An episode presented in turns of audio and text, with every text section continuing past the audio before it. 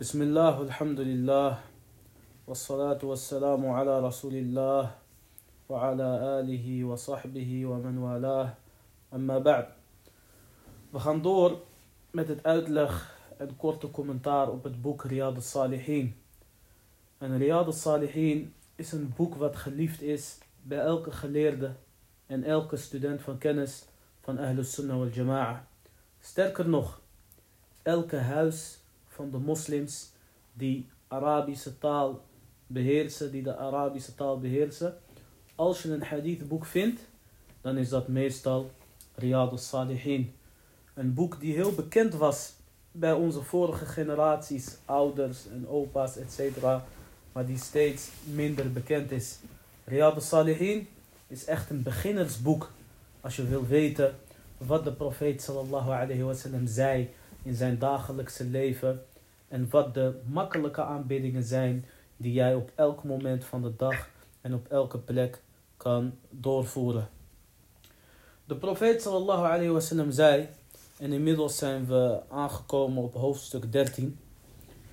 En deze hoofdstuk, imam al-Nawawi noemt dit hoofdstuk Fi bayan kathrat al-khair. Laten zien dat er vele manieren zijn om het goede te doen in de islam. Allah Azza wa Jal zegt in de Koran: وَمَا تَفْعَلُوا مِنْ خَيْرٍ فَإِنَّ اللَّهَ بِهِ عَلِيمٌ Wat jullie ook doen aan goedheid, Allah heeft daar kennis over. En Allah Azza wa Jal zegt ook in Surat al-Jathiyah, vers 15: Men amila salihan falinafsih. Iemand die een goede daad verricht, die verricht dat voor zichzelf. Dus al jouw goede daden, beste broeder en zuster, die verricht jij voor jezelf. Maar wat zijn de beste daden? Wat zijn de beste daden in de islam? In Sahih al-Bukhari, een moslim, staat dat Abu Dhar, radiyallahu anhu, een van de grote sahaba, hij zei, Ja Rasulallah, ayyul a'mali afdal. O boodschapper van Allah, welke daden zijn het beste? En de profeet sallallahu alayhi wa sallam zei, Al-imanu billah wal jihadu fi sabilih. Het geloven in Allah en strijden omwille van hem. En daarna zei hij, radiyallahu anhu, Qultu ayyur riqabi afdal. En daarna zei ik, welke soort slaven kan, zijn het beste? Wat voor slaaf kan ik het beste vrijkopen? En de profeet sallallahu alayhi wa sallam zei, Anfasuha inda ahliha Wa. Hij zei de duurste bij haar eigenaren en de duurste slaven. En toen zei Abu Dhar, فَإِلَّمْ lam. Abu Dhar die zei, ja Rasulullah, stel voor ik kan dat niet. Stel voor ik kan geen jihad verrichten, strijden omwille van Allah. En ik kan ook geen slaven vrijkopen. Wat voor ibadah, wat voor aanbidding zou ik dan moeten doen? De profeet sallallahu alayhi wa sallam zei, tu'inu sani'an, أَوْ تَصْنَعُ لِأَخْرَقْ De profeet sallallahu alayhi wa sallam zei, dan zou je iemand moeten helpen die iets aan het verrichten is. Of je zou iemand moeten helpen die er geen verstand van heeft. قلت يا رسول الله أرأيت إن ضعفت عن بعض العمل Abu Dhar die zei, ja Rasulallah, stel voor ik ben niet in staat om sommige daden te verrichten. En toen zei de profeet sallam, en dit is heel belangrijk voor de les van vandaag. Deze wijsheid van de profeet sallam zou je moeten schrijven met de gouden inkt. De profeet sallam zei, als je bepaalde aanbiddingen niet kan verrichten, je hebt niet de energie en de kracht om bepaalde ibadah te verrichten. De profeet sallam zei, تكف شرك عن الناس فإنها صدقة minka ala nafsik. Dan zou je de mensen niet moeten lastigvallen met jouw kwaad, want dat is een sadaqa die jij aan jezelf geeft.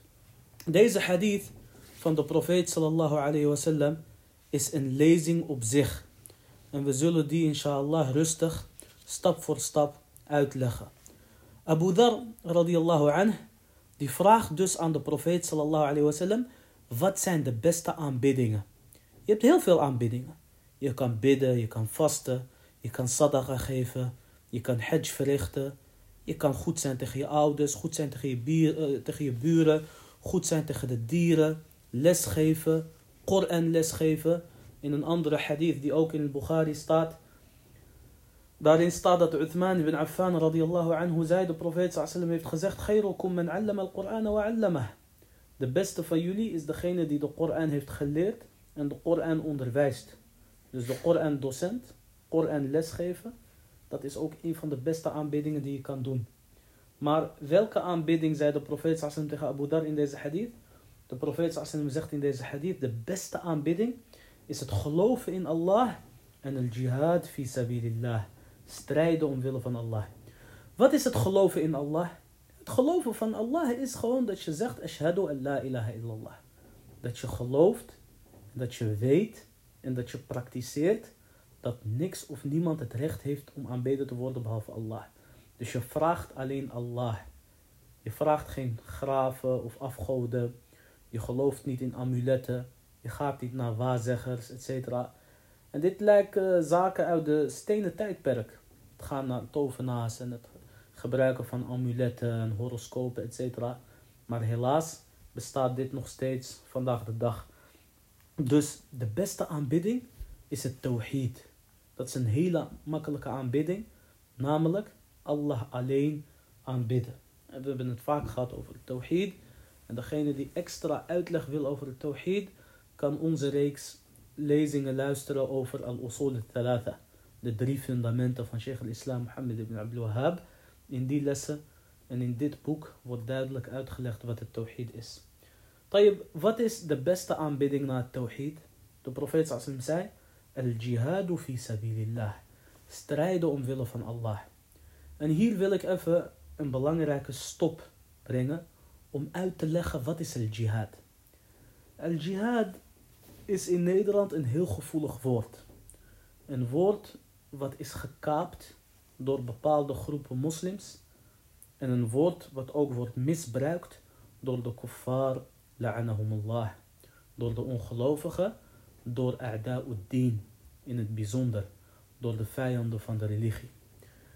البروفيت صلى الله عليه وسلم حفظه قاعد خلي خطرة الجهاد اس سو استات ان مسند الامام احمد البروفيت صلى الله عليه وسلم دي زاي جاهدوا في سبيل الله باموالكم وأنف... وانفسكم وبايديكم البروفيت أو جاهدوا في سبيل الله باموالكم والسنتكم وايديكم البروفيت صلى الله عليه وسلم دي زاي سو استات ان مسند الامام احمد verricht jihad omwille van Allah door middel van jullie zielen of en jullie geld en jullie tongen. Dus al-jihad betekent eigenlijk, eigenlijk gewoon letterlijk het voeren van een strijd. Dus wanneer jij bijvoorbeeld aan het studeren bent en jij wilt dokter worden om de moslims te helpen, ja, deze studie is een jihad, is een strijd. Maar de grootste jihad, dat is het strijden omwille van Allah en het voeren van oorlog omwille van Allah. En dat is wanneer bijvoorbeeld een islamitisch land vecht tegen een ongelovig land. Het is dus geen narcos of maffiastaten of ISIS of Al-Qaeda wat voor onzin dat ook. Nee, dat is geen jihad. Jihad is gewoon een land wat vecht tegen een ander land. Bijvoorbeeld wat, waarvoor legers bestaan vandaag de dag, ministerie van Defensie, etc. voor elke land. Als hun een gerechtvaardige oorlog gaan voeren, dan zijn dit mujahidi. Bestaan er ook nog andere vormen van jihad? Ja, Zeker. En die zijn uitgelegd door de profeet sallallahu alaihi in deze hadith. De profeet sallallahu zei, strijd omwille van Allah, verricht jihad met jullie zielen. En dat is dus oorlog voeren wanneer nodig. Of met jullie geld, of en of met jullie tongen. Dus het geven van deze les, elke week Riyad al-Salihin uitleggen, dat is een jihad. Als jij elke dag les volgt, jij bent jihad aan het verrichten, je bent aan het strijden. Als jij geld geeft om een moskee te bouwen, dat is ook het verrichten van een jihad. Dat is ook een strijd. Dus, beste moslims, barakallahu fikum, laat niemand jullie gek maken over het woordje jihad. En laat ook niemand dit woordje misbruiken. Al-jihad is een breed begrip en dat betekent letterlijk strijden omwille van Allah. En dat kan met jouw ziel en met jouw hand, waar nodig, wanneer nodig. En dat kan met jouw geld, indien jij daartoe in staat bent. Je geeft een sadaqa, je bouwt een school, je sponsort een weeskind, je sponsort een, uh, een, een kleine jongen die geen geld heeft om te studeren in Afrika of in Marokko of zelfs in Nederland. Of je sponsort een moskee. Dat is allemaal al-jihad. En laat je ook niet gek maken door degene die dit woord misbruiken en die zeggen van ja, Allah zegt honderd keer in de Koran, wajahidu fi sabilillah, laten we strijden omwille van Allah. Kom, we gaan even een zelfmoordaanslag doen hier in Europa of waar dan ook. Dit is geen jihad. Dit is hamaqa. Dit is gekkigheid. Want jihad heeft regels. Als je altijd zou kunnen vechten omwille van Allah. En als je elke kafir kan doden wanneer hij Allah uitscheldt. Of de profeet sallallahu alayhi wasallam uitscheldt. Dan zou Mohammed dit hebben gedaan in Mekka sallallahu alayhi wasallam. En we hebben duidelijk uitgelegd en duidelijk meegekregen in de Sira lessen die ook online staan. De eerste 13 jaar van de da'wa van de profeet sallallahu. Hij verrichtte alleen da'wa. Hij nodigde uit omwille van Allah en hij nodigde uit naar Allah met zijn tong en met zijn daden en met zijn manieren en niet met het zwaard. Het zwaard kwam pas later na de hijra.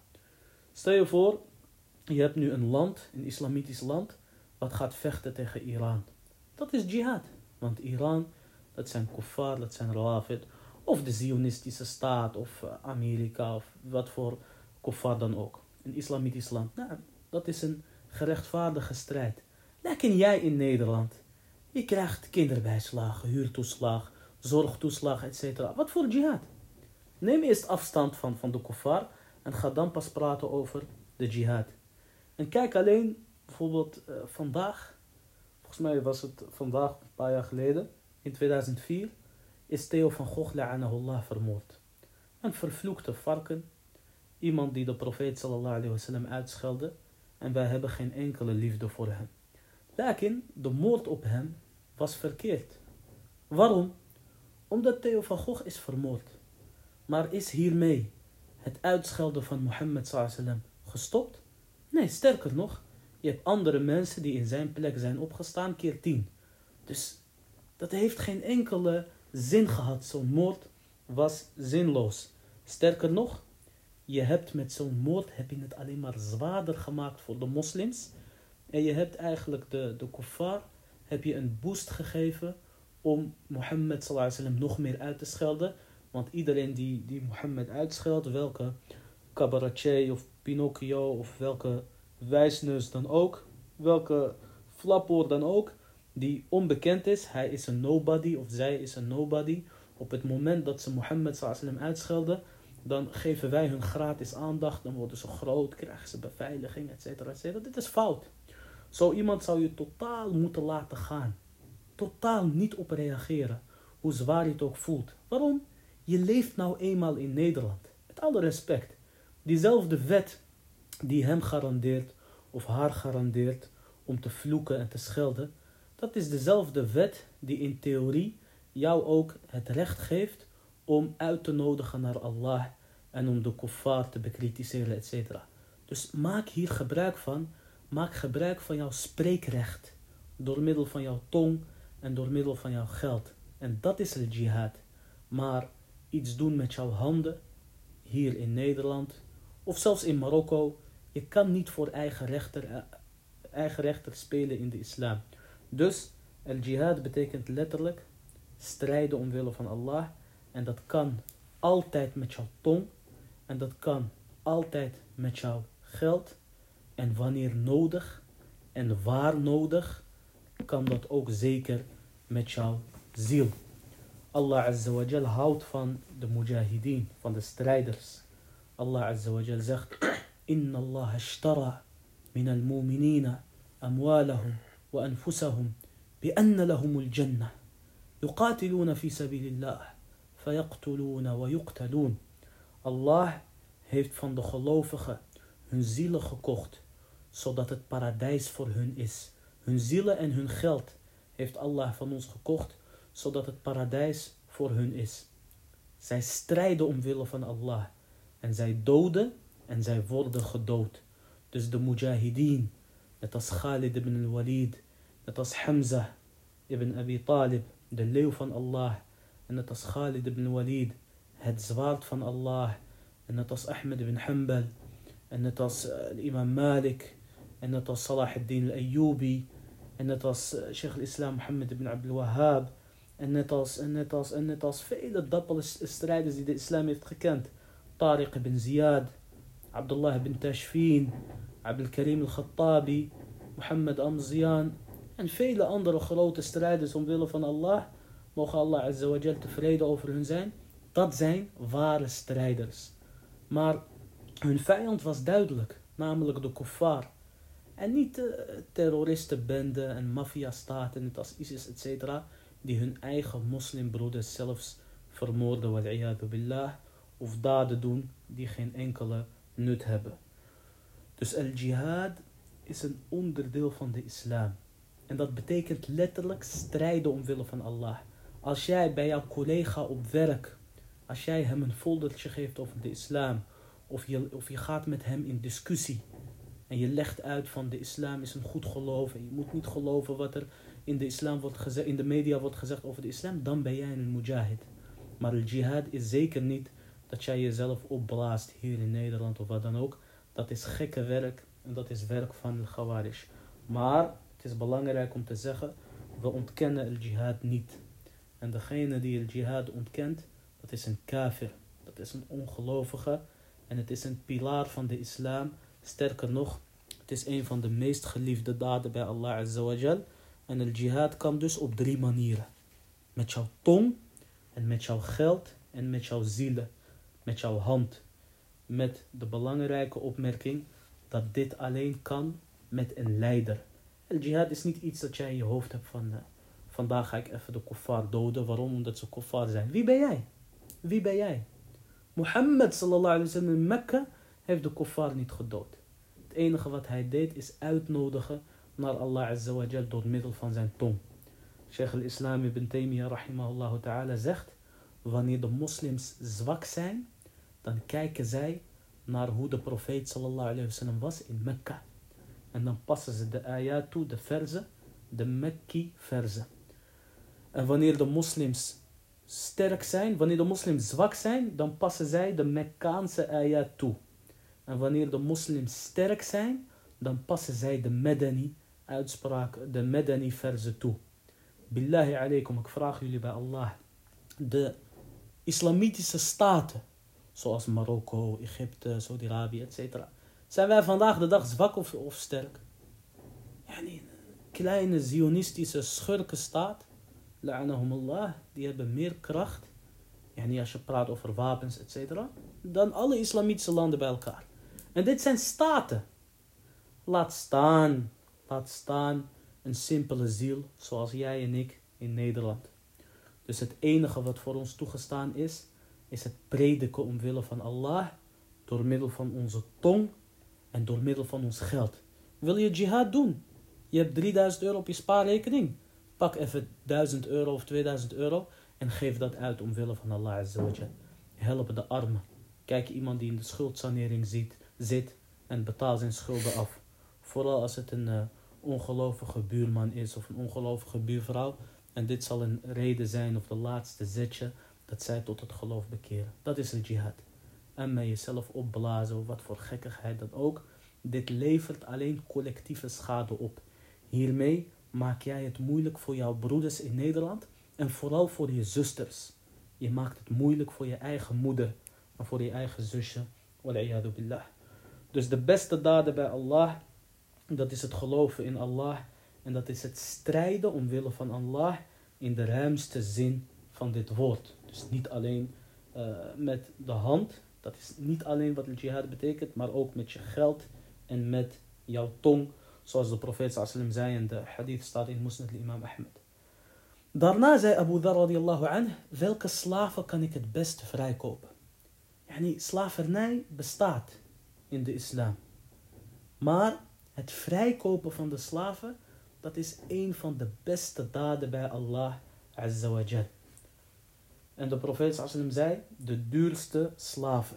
En in een andere hadith zei de profeet sallallahu alayhi wa sallam, hij noemde de slaven op van Banu Ismail, yani de Arabische slaven. Het verschil van uh, slavernij bij in de islam en slavernij in het westen was in het westen had je bijna alleen maar zwarte slaven, alleen maar donkere slaven. Terwijl in de islam had je ook Arabische slaven, had donkere slaven, je had uh, Perzische slaven, je had Europese slaven. En een slaaf kon altijd vrijgekocht worden. En soms is dat zelfs verplicht. Wanneer een slaaf een goede gelovige is en die vraagt om een uh, prijsafspraak om zichzelf vrij te kopen, dan is het verplicht in de islam om hem of haar een prijs te geven waarmee diegene zichzelf kan vrijkopen. Allah Azza wa zegt in de Koran: Fakatibuhum in alimtum fihim khayra.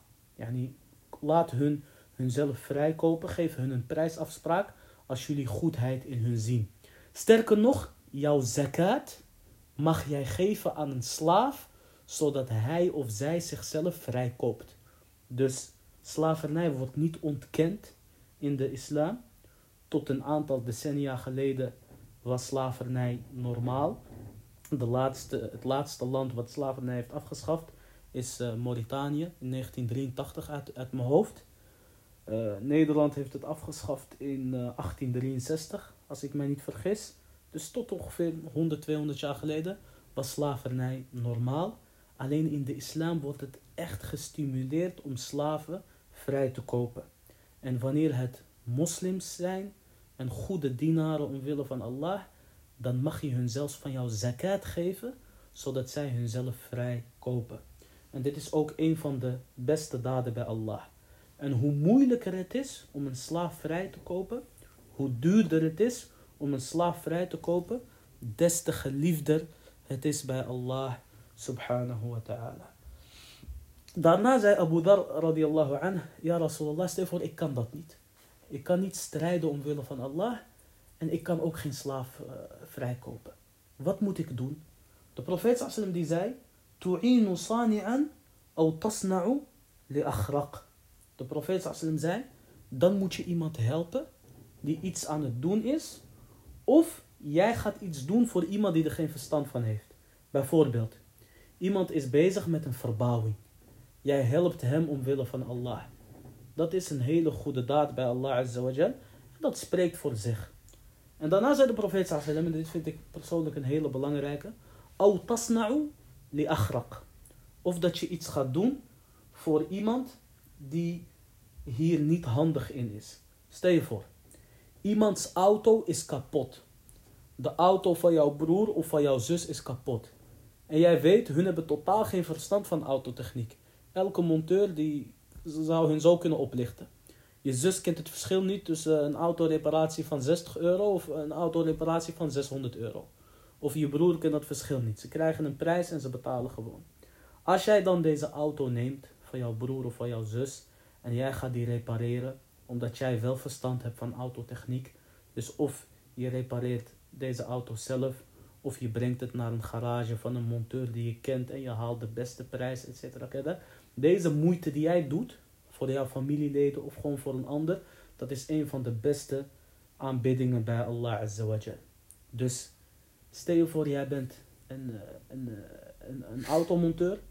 Dat jij ziet van een familielid of van een buurman of wat dan ook, zijn auto is kapot. Help diegene omwille van Allah. Jij bent goed in verven en iemand moet zijn huis verven. Help diegene omwille van Allah. Wat jij ook kan, wat jouw specialiteit ook is, help een ander hierin omwille van Allah. De profeet sallallahu alayhi wasallam die zei in een andere hadith: "Wala an amshiya fi hajati akhi." أَحَبُّ إِلَيَّ مِنْ أَنْ أَعْتَكِفَ فِي مَسْجِدِي شَهْرًا De profeet sallallahu zei, dat ik mijn broeder help met iets wat hij wil regelen, dat is geliefder bij mij dan dat ik een maand lang, 24 uur per dag, in de moskee blijf leven. Yani, een i'tikaf, je hebt een hele grote beloning bij Allah. Vooral in de laatste tien nachten van de Ramadan, de laatste tien dagen van de Ramadan. Dan is het van de sunnah om constant in de moskee te blijven, 24 uur per dag. En Allah Azza wa Jal noemt dat ook in de Koran op. al-i'tikaf. Maar de profeet sallam zegt dat ik mijn broeder help omwille van Allah, dat is geliefder bij mij dan dat ik een maand lang constant in de moskee blijf. Dus elkaar helpen omwille van Allah, dat is echt belangrijk in de islam. Sterker nog, beste broeder en zuster, zolang jij iemand helpt omwille van Allah, Allah helpt jou. En elke keer dat jij iemand helpt omwille van Allah, Allah helpt jou. De profeet sallallahu alayhi wasallam heeft gezegd: Inna Allah fi auni al-abd, ma kana al-abdu fi auni akhih. Allah die helpt zijn dienaar, zolang, zijn, zolang deze dienaar zijn broeders helpt. Dus help elkaar, beste broeders en zusters, omwille van Allah. Stel voor iemand heeft moeite met zijn studie. En jij bent heel goed in wiskunde of in Engels of in geschiedenis of wat dan ook. En jij helpt diegene omwille van Allah. Dat is een reden dat Allah jou helpt. En dat jouw wensen zullen uitkomen. Bi'idnillahi ta'ala. Stel je voor, uh, iemand wil verhuizen. En jij hebt een verhuiswagen. En jij helpt diegene omwille van Allah. Dat is een reden dat Allah jou helpt. Stel je voor, iemand is dakloos. En jij betaalt voor hem de dakloze opvang. Voor een week. Of je betaalt een hotel voor hem. Of voor haar. Drie dagen. Allah gaat jou helpen. Omwille van Allah Azza Stel je voor, iemand wil een auto kopen. Maar diegene heeft geen verstand van auto's. En jij gaat even voor diegene zoeken op marktplaats. Dit en dit en dit moet je kopen. Dit is goed, dit is slecht. Pas op, kada. Zolang jij dit doet, Allah helpt jou. Dus help een ander omwille van Allah Azawajal. Je schrijft een brief voor iemand. Uh, je, geneest iemand gratis. Of je betaalt de tandartskosten voor iemand. Je helpt een weeskind in Marokko of in Nederland of waar dan ook. En muhim. Hoe jij een andere moslim ook maar helpt. Allah helpt jou. Dus als jij wilt dat jouw wensen uitkomen.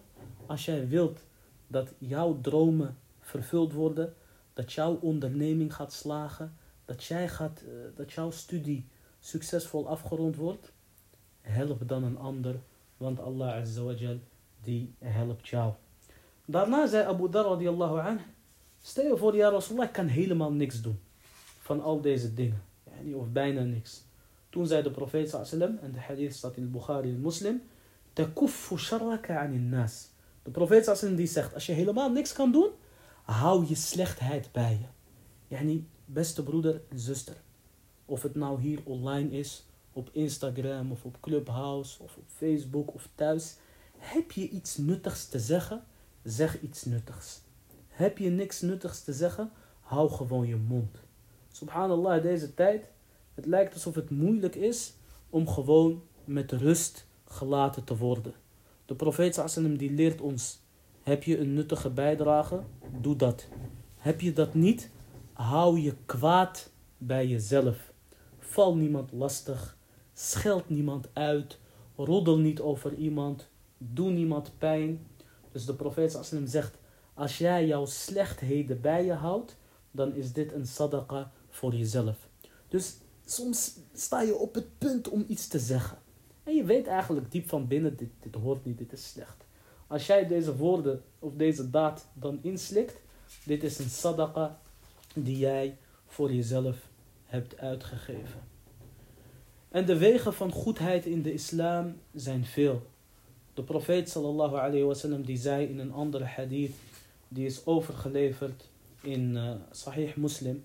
Hij zei sallallahu alayhi wasallam, Uridat alayya a'malu ummati. Ik heb de daden van mijn umma gezien. Yani alle aanbiddingen. Hasanuha, of alle daden van mijn umma heb ik gezien.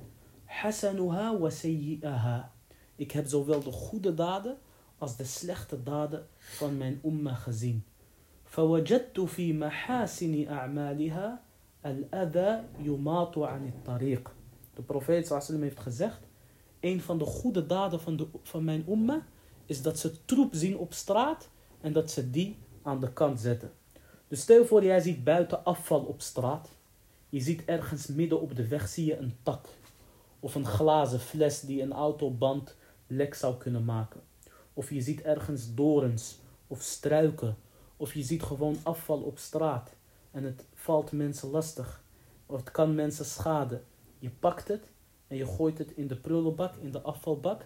Je hebt een grote beloning bij Allah Azza Dus als jij ergens een tak ziet op straat of een glazen fles of, of wat dan ook, of iets wat vies is of iets wat stinkt, pak het en gooi het weg omwille van Allah Azza en je hebt hasanat. Ga niet zeggen van dit is niet van mij, dit heb ik niet gedaan. Het gaat mij niks aan. Jawel, het gaat jou wel aan, want jij bent een mens en ook jij leeft in deze buurt. En ook jij zou er last van hebben als je bijvoorbeeld met je auto rijdt over een glazen uh, fles of wat dan ook, waardoor jouw band leeg raakt. Dus net als hoe jij goedheid wil voor jezelf, moet je het ook willen voor andere mensen. Dus de profeet sallallahu alayhi wasallam, die heeft ons geleerd, een van de goede daden is dat je heel simpel troep pakt wat je op straat vindt of wat voor obstakel of hindernis dan ook en die gooi je weg. Dus het verdienen van hasanat en het verrichten van goede daden, dat hoeft niet moeilijk te zijn. Barakallahu fikum. Een van de goede daden voor de moslimmannen, dat is het gaan naar de moskee. En sinds corona merk je dat de moskeeën toch iets leger zijn. Zelfs met Salat al-Jumu'ah. En de profeet sallallahu alayhi die motiveert ons mannen om naar de moskee te gaan. En hij zegt zoals staat in al Bukhari en Muslim. De profeet sallallahu alayhi wasallam die zei. Men gada ila al-masjidi aw rah.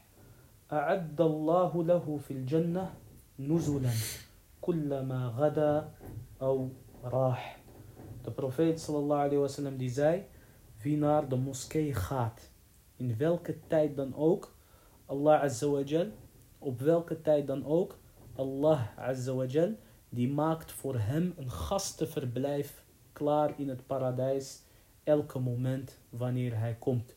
Dus wanneer jij gaat naar de moskee, Allah azza wa jal, die maakt voor jou een plekje klaar in het paradijs, beste broeder. Dus wanneer je vrij bent, wanneer je pauze hebt, wanneer het weekend is, ga naar de moskee. Barakallahu fiek. En wanneer je leeft in een islamitisch land en je hoort de adhan, je bent verplicht om te gaan naar de moskee. Al ben je op werk of wat dan ook. Dit is een van de verplichtingen van de islam. En wat betreft de zusters, ook hun zijn geadviseerd door de profeet sallallahu alayhi wasallam om zoveel mogelijk het goede te doen. De profeet sallam die zei, zoals staat in het Bukhari en Muslim, hij zei, Ja nisa al-muslimat, o moslimvrouwen, la tahqiranna jaratun li jaratiha walau firsini shat. Geen enkele vrouw moet het onderschatten, of die moet een cadeautje aan haar buurvrouw onderschatten, al zijn het poten van een schaap. Daarbij heb je een schaap. In een schaap zit 25 kilo vlees ongeveer. Je hebt schouders, je hebt benen, je hebt je hebt lever, etc. Dat is allemaal mooi en, en lekker, alhamdulillah. Maar stel je voor, een vrouw heeft alleen maar schapenpoten. Daar kan je nauwelijks een gerecht van maken. Maar toch zegt de profeet sallam, onderschat nooit een goedheid, een cadeautje die je geeft aan je buurvrouw. Zoals de Hollanders zeggen, het gaat niet om de waarde van het cadeau, maar het gaat om het gebaar. Dus de profeet sallallahu alayhi wasallam, die leert ons, doe goedheid. En vooral buurvrouwen onderling, al heb je hele simpele koekjes gemaakt, van die simpele droge Marokkaanse koekjes of wat dan ook, geef een beetje aan je buurvrouw. Geef elkaar, wissel met elkaar cadeautjes uit, als zijn het hele simpele dingen. Want een, andere wordt, een ander wordt gewoon blij, omdat je aan haar gedacht hebt, beste buurvrouw. En dit vermeerderde de liefde omwille van Allah Azza Dus de wegen naar het paradijs zijn veel. De profeet sallallahu alaihi die zei in een andere hadith, en deze staat ook in Bukhari en Muslim, dit is een hele bekende hadith. De profeet sallallahu alaihi die zei, al-imanu bid'un wa sab'una shu'bah. De profeet sallallahu alaihi wasallam die zei, het geloof is meer dan 70 uh, soorten. En bid'a, dat is een getal tussen de 73 en uh, 79. Ja, het kan 74 zijn, 75, 76, etc. De profeet Sassan die zei, فأفضلها قول لا إله إلا الله de beste daad in ons geloof is la ilaha illallah. De beste woorden die jij kan uitspreken, beste moslim, is la ilaha illallah. Dus wanneer jij op de bank ligt, op zo'n koude avond net als deze, zeg dan la ilaha illallah, la ilaha illallah, la ilaha illallah. Zeg subhanallah, walhamdulillah, wa la ilaha illallah, wallahu akbar. Dit zijn hele makkelijke aanbiddingen. Maar die zijn groot bij Allah azza wa jal. En la ilaha illallah, dat is de belangrijkste aanbidding bij Allah, omdat dit de woord van het tawhid is. En daarna zei de profeet sallam, de laagste vorm van het geloof, wa adnaha imatatul ada an tariq. De laagste vorm van het geloof is dat jij troep weghaalt van de weg. Een obstakel weghaalt van de weg. Dus als jij gewoon troep opruimt uit stra op straat en op een, in een afvalbak gooit, of het nou een tak is, of, een, of blikjes, of een fles, of wat dan ook, dat is gewoon een teken dat jij een echte gelovige bent. Dat jij gewoon goedheid in jouw hart hebt. En daarna zei de profeet sallam, wal haya'u shu'batun iman. En schaamte is ook onderdeel van het geloof. Heel veel broeders en zusters vandaag de dag, die schamen zich niet. Yani het woordje hshuma kennen zij niet meer. Bij de vorige generaties, die wisten echt wat hshma betekende. Wat schaamte betekende. En die hielden echt rekening met elkaar en met wat andere mensen uh, van hun zouden vinden. Als hun ook moslims zijn omwille van Allah Azza wa Jal. Yani, sommige mensen die zouden niet eens hun auto parkeren voor de auto van de, voor de, voor de, voor de deur van de buren. Wanneer je van die rijtjeshuizen hebt. En als je tegen hem zegt van waarom doe je dat niet? Hij zegt nee, shuma. Misschien komt de buurman zo meteen van werk en hij wil daar parkeren. Ik parkeer wel voor mijn eigen deur of, of om de hoek. En mohim, schaamte is een onderdeel van het geloof. En heel veel broeders en zusters die schamen niet vandaag de dag. En als je tegen hun zegt van waarom doe je dit? Schaam je niet? Dan zeggen ze nee, waarom moet ik me schamen? Of nog erger, dan zeggen ze wat, wat, wat. Wat. Je ziet van die uh, scholieren vandaag de dag, middelbare scholieren, die zie je op straat en in de metro. MashaAllah, Red Bull van uh, eh, 500 milliliter in hun hand. En jongens en meisjes schreeuwen en roepen. Wallah, eib, schande. Schande voor jezelf. Schande voor je ouders. Ja, niet alsof jouw ouders je niet hebben opgevoed. Schande voor jouw geloof. Je bent een moslim, beste broeder. En nog erger is wanneer het een vrouw is. Wallah, shuma eib. De beste eigenschap die een vrouw kan hebben, is schaamte. En de beste eigenschap die een man kan hebben, is dapperheid. Soms zeggen mensen van, ja, waarom praten jullie alleen over zusters? Dat is niet waar. We praten meer over mannen dan over zusters. Alleen het probleem is bij een, een zuster, een zuster is net als een vaas. Heel mooi, maar ook breekbaar. En wanneer die zuster bepaalde schade heeft opgelopen, dan is het vaak onherstelbaar. Zo heeft Allah Azza wa Jal haar geschapen. Heel zacht, heel breekbaar. Maar als zij eenmaal gebroken is, dan is die schade vaak onherstelbaar. Laat staan als ze, als ze haarzelf breekt. Dat is nog erger. Dus schaamte is een belangrijke eigenschap bij Allah Azza wa Jal.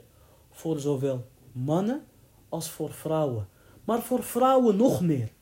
Allah Azza zegt in de Koran, in het verhaal van Musa alayhi salam, toen hij in Median was en toen hij de twee dochters ging helpen van de oude man met het halen van water uit de put, etc. Degene die dit verhaal niet kent, ga naar YouTube, doe de Sira, het levensverhaal van Musa alayhi salam. We hebben het uitgelegd afgelopen Ramadan in, in, in ongeveer drie, vier delen. En mohim, Allah Azza wa Jal die zegt van een van deze vrouwen, die werd door haar vader gestuurd om Musa te bedanken. Wat zegt Allah Azza wa Jal over deze vrouw in, de Koran, ja ibadallah? Allah Azza wa Jal zegt dat een van hun twee kwam, ala stihya. Ze kwam schaamtevol naar Musa alayhi. En Allah vond dat mooi. Beste zuster, wanneer jij je schaamt, naar de grond kijkt, je wil niet met mannen praten, je niet met mannen te praten. Laat iedereen zeggen over jou wat je wil. Allah houdt van jou. omdat je schaamtevol bent. Beste broeder, niet schreeuwen op straat. Niet schreeuwen als je met je vrienden buiten bent. Of in de metro of eh, op school of wat dan ook. Inna ankar al aswati la al hamir. Luqman alayhi salam zegt. De slechtste stem, het slechtste geluid, dat is het geluid van een ezel. En subhanallah, heb je ooit een ezel zien fluisteren? Een ezel praat altijd hard. Dus beste broeder, wanneer jij onnodig hard praat, je lijkt op een ezel. Hoe je praat en je gedraagt je ook als een ezel, helaas. En mohim, wat we leren uit deze hadith van de profeet sallallahu alayhi wasallam, die staat in Riyad al-Salihin, dat is dat schaamte onderdeel van het geloof is. Dus laten we onze kinderen meegeven dat er iets heet wat schaamte is. Al heb je gelijk, je hoeft niet altijd gelijk te hebben. Schaam jullie een beetje omwille van Allah, want wallahi, schaamte is echt een mooie eigenschap. De profeet sallallahu alayhi wasallam die zei in een andere hadith, Al-haya'u la ya'ti illa bi khair. Schaamte komt alleen met goedheid. Een vorm van schaamte is dat je ook niet elke onderwerp aansnijdt waar je ouders bij zijn. Of waar oudere mensen bij zijn. Hollanders vandaag de dag die zeggen ja, er zijn geen taboes.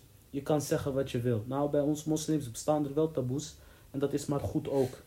Je gaat niet voor je ouders alles bekijken of alles bespreken of wat dan ook. Je moet een beetje respect hebben en een beetje schaamte omwille van Allah. Dat betekent niet dat er een onderwerp is in de islam wat niet bespreekbaar is. Elk onderwerp is bespreekbaar in de islam. Maar met wie? Dat is een belangrijke zaak. Bijvoorbeeld in een andere hadith zei de profeet sallallahu alayhi wasallam dat een van de meest gehate zondes bij Allah dat is dat een man gemeenschap heeft met zijn vrouw of een vrouw heeft gemeenschap, yani seksuele gemeenschap met haar man in de nacht en dan gaan ze het vertellen aan andere mensen overdag. Yani dat een man vertelt aan andere mannen, of dat een vrouw aan andere mannen gaan praten over hun eigen uh, seksuele relaties. Net als wat de kuffar doen vandaag de dag. Een moslim schaamt zich. En dit is haram. En dit is een grote zonde in de islam. Dus schaamte is een onderdeel van het geloof.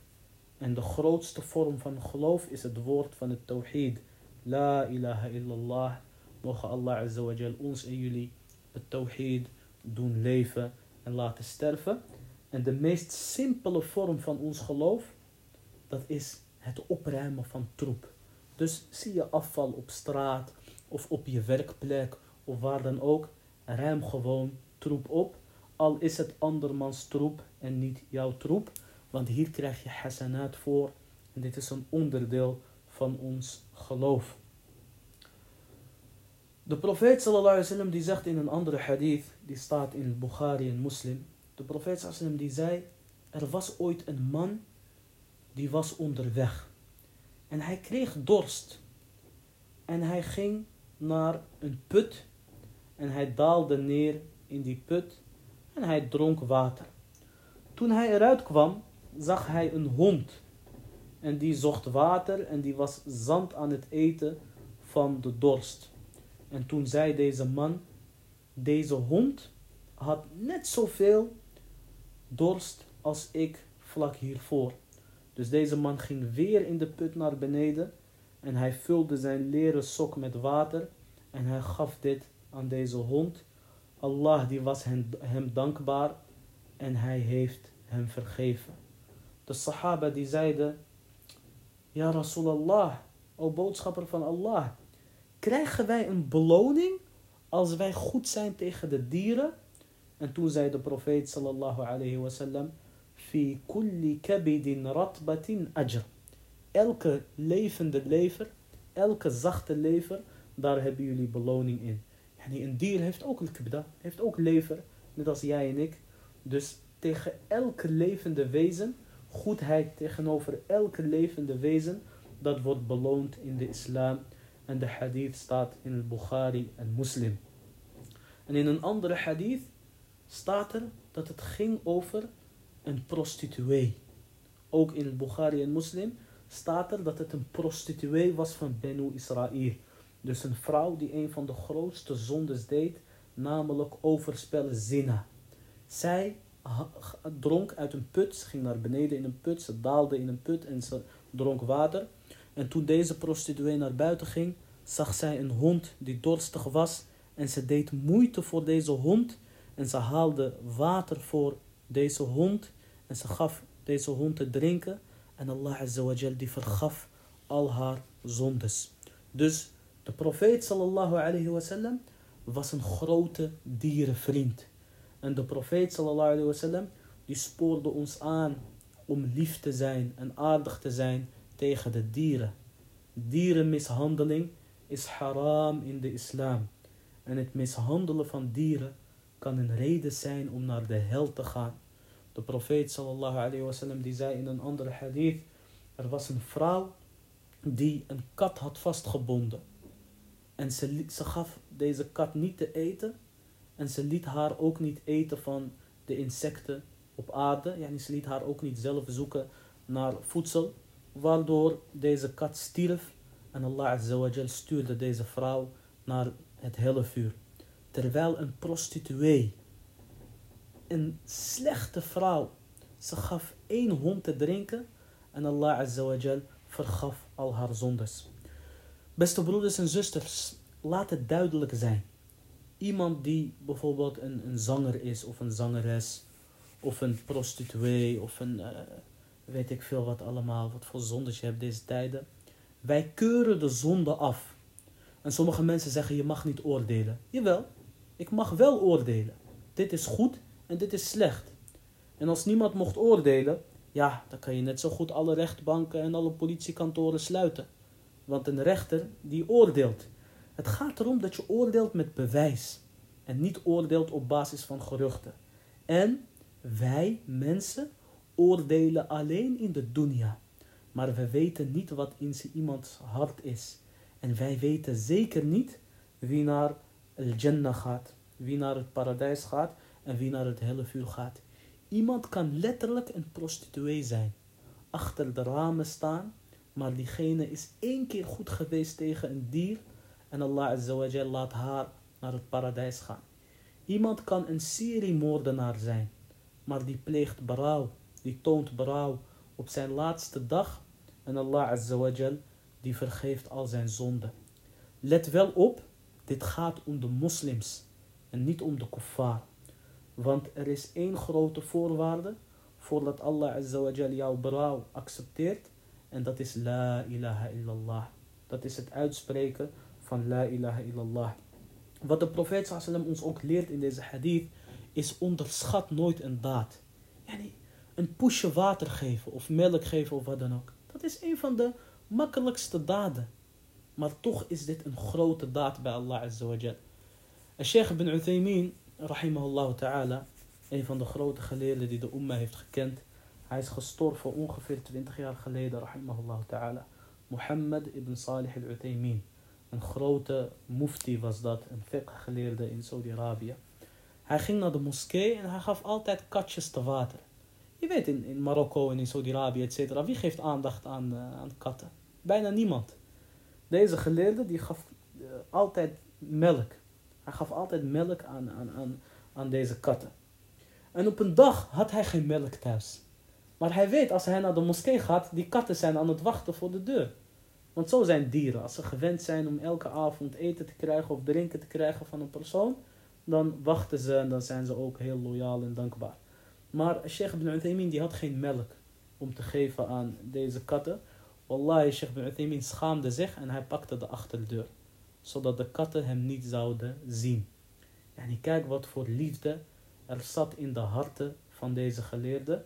En kijk wat voor liefde er zat in, in het hart van de profeet sallallahu alayhi wasallam voor dieren. Laat staan voor mensen. Dus wees goed, barakallahu fikum, tegen dieren. En wees goed tegen mensen. Of zij nou moslim zijn of niet. Want goedheid kan een reden zijn om naar het paradijs te gaan. En dat kan ook een reden zijn dat iemand bekeert tot het geloof En dan heb je een nog grotere beloning bij Allah Azza Er zijn dus hele, heel veel manieren om hasanat te verdienen. En een van de beste manieren is dus het helpen van een ander. Maar ook wanneer jij bijvoorbeeld naar het vrijdagsgebed gaat. Als jij dat met aandacht doet, dan kan dat ook een manier zijn om naar paradijs te gaan. De profeet sallallahu alayhi wasallam die zegt over al-jumu'ah en over al-wudu, zoals staat in Sahih Muslim. Hij zegt sallallahu alayhi wasallam, degene die al-wudu verricht en dat goed doet en daarna naar het vrijdagsgebed gaat en luistert, Allah azawajal die vergeeft zijn zondes van een hele week plus drie dagen. En als jij naar het vrijdagsgebed gaat en je hebt goed wudu verricht, etc. van tevoren, Allah azawajal vergeeft hiermee de zondes van tien dagen. En elke keer wanneer jij wudu verricht, Allah vergeeft jouw zondes met elke druppel water. De profeet sallallahu alaihi wasallam die zei, wanneer een gelovige, en de hadith staat in Sahih Muslim, de profeet sallallahu die zei van, als jij wudu verricht, wanneer een gelovige wudu verricht, als jij je gezicht wast, de zondes van jouw ogen, die vallen weg. En wanneer jij jouw handen wast, de zonden van jouw handen, die gaan weg. En wanneer jij jouw voeten wast, de zonden van jouw voeten, die gaan weg. Wat voor zonde van je handen? Nou, omdat je bijvoorbeeld iemand verkeerd of iets verkeerds hebt aangeraakt of hebt gedaan met je handen. Wat voor zonde met je voeten? Omdat je bijvoorbeeld naar een verkeerde plek bent gelopen. Wat voor zondes van jouw ogen? Omdat je bijvoorbeeld hebt gekeken naar iets wat haram was. En ook zei de profeet sallam, wanneer je vijf keer bidt per dag, tussen elk gebed, Allah azawajal vergeeft de kleine zonde. Dus een van de redenen, beste broeders en zusters, waarom wij bidden vijf keer per dag, is omdat Allah hiermee de zondes vergeeft. Stel je voor, jij bidt het dhuhr en daarna bid je al-asr. Tussen dhuhr en al-asr heb je bijvoorbeeld één zonde gedaan, een kleine zonde. Allah vergeeft die kleine zonde omdat je al-asr hebt gebeden. Tussen al-asr en al-maghrib heb je twee kleine zondes verricht. Allah vergeeft die zondes omdat je hebt gebeden. En zo zie je ook dat het een spelletje is van een shaitaan. Wanneer iemand zegt van ja, ik ga alleen bidden wanneer ik perfect ben. Nee, shaitaan wil juist dat jij nooit gaat bidden. Juist wanneer je niet perfect bent en niemand van ons is perfect, dan moet je bidden. Want Allah die wist hiermee jouw zondes. De profeet sallallahu alayhi die zei in een hadith die sahih is verklaard door de Sheikh al-Albani rahimahullah ta'ala. De profeet sallam zei, Allah heeft iemand, yani een engel. Allah heeft een engel die roept bij elk gebed. O kinderen van Adam, sta op en blus de vuren die jullie hebben, de vuurtjes die jullie hebben aangestoken. Dus door te bidden, daarmee blussen wij onze zondes. Barakallahu fikum. En de profeet sallallahu alayhi die zei ook in een hadith, die staat in al-Bukhari en Muslim. De profeet sallam die zei, Men salla al-bardain, al-jannah. Degene die al-bardain bidt, die gaat naar het paradijs. En al-bardain dat is het Fajr gebed en het Asr gebed. Fajr gebed is moeilijk om te bidden, omdat de meeste mensen slapen. En ook het Asr gebed, vooral in Arabische landen, is het heel moeilijk om te bidden, want daar is het 40 graden, 50 graden en iedereen daar doet een siesta, een middagdutje. En heel veel mensen worden dan pas in de avond wakker. Die kunnen niet wakker worden met de Asr. Dus dat is een van de grootste aanbiddingen bij Allah Azza dat je elke dag al-fajr en al-asr op tijd kan bidden. Sterker nog, elke goedheid is een aanbidding. De profeet sallallahu alayhi wasallam die zei, kullu ma'rufin sadaqah. Elke vorm van goedheid is een sadaqa. En ook een van de beste vormen van goedheid is het goede bevelen en het slechte bekritiseren. Beste broeders, beste zusters, er zit geen goedheid in ons als wij geen gepaste kritiek leveren op slechtheid. Nogmaals, gepaste kritiek. Je hoeft niet te schelden en te schreeuwen en te vloeken. Dat is meestal niet nodig. Heel soms is dat toegestaan wanneer de zonde echt groot is, maar dat is de uitzondering op de regel. Maar als wij het goede niet bevelen en het slechte niet verbieden, dan zijn wij geen goede moslims. Yani wanneer jij een collega hebt, of een broertje of, of zusje, die nooit bidt, en je zegt nooit tegen hem op een rustige manier van ga bidden. Waarom ga je niet bidden? Dan ben jij geen goede gelovige. En wanneer iemand elke dag voor je neus een zonde verricht, muziek luistert of sigaretten rookt of haram relaties heeft, en jij hebt niet één keer gezegd van hé, hey, wat jij doet is haram, vrees Allah, dan ben jij ook geen goede moslim. Sterker nog, heel veel mensen zeggen ik doe dua en mijn dua wordt niet verhoord. Hoe komt dat? Een van de, goede, een van de redenen waarom jouw dua niet wordt verhoord, is omdat je niet de waarheid zegt. En omdat je geen kritiek hebt op slechtheid. Dat kan een reden zijn waarom uh, jouw dua niet wordt verhoord. En jouw dua niet wordt geaccepteerd. Hudayfa ibn al-Yaman overlevert. En de hadith staat in het Tirmidhi en is sahih verklaard door Sheikh al-Albani rahimahullah. De profeet sallallahu alayhi wa sallam die zei لتأمرن بالمعروف ولا تنهون عن المنكر De profeet sallallahu alayhi wa sallam zei Jullie zullen het goede bevelen en het slechte verbieden. En het slechte bekritiseren. أو لا يوشكن الله أن يبعث عليكم عقابا منه. Of anders zal Allah bijna een bestraffing op jullie sturen. ثم تدعونه Fala yustajabu lakum. En daarna verrichten jullie dua en jullie dua zal niet beantwoord worden. Dus een van de redenen waarom wij bestraft worden door Allah en waarom onze dua niet eh, wordt verhoord, is omdat we niet zeggen Allahumma hada munkar. Kijk of iemand luistert of niet, dat is aan hem of aan haar. Maar van ons moslim wordt, moslims wordt verwacht dat we zeggen van dit is haram. En dat we zeggen tegen iemand die goed bezig is van Allahumma barik, je bent goed bezig. En dat we zeggen tegen iemand die niet bidt, ga bidden. En dat we zeggen tegen iemand die zich niet bedekt, ik vraag Allah Azza om jou goed te bedekken. En dat we zeggen tegen een broeder die bezig is met drugs of wat dan ook, ik vraag Allah om jou te leiden en om te stoppen met deze haram. En uh, jouw familieleden zitten vol in de drugs en jij geniet van de cadeautjes die je krijgt, etc. Maak je, wees bereid op de vervloeking van Allah Azza Wees niet verbaasd wanneer je vervloekt wordt omdat je geniet van andermans haram geld, rentegeld, drugsgeld, gestolen geld of wat dan ook. Je geniet ervan, laat staan dat je hun adviseert.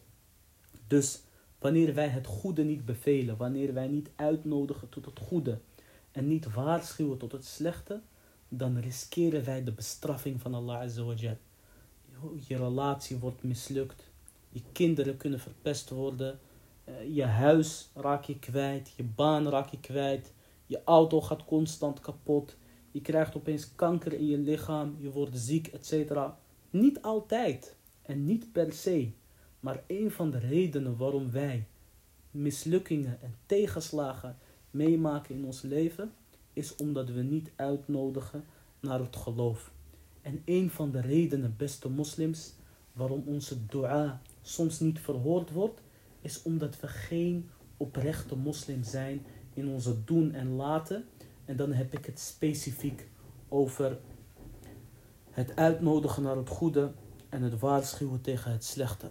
Abdullah ibn Adham, een van de grote wijze geleerden van de Salaf, die zei van, waarom, die werd gevraagd van, waarom antwoordt Allah onze dua niet?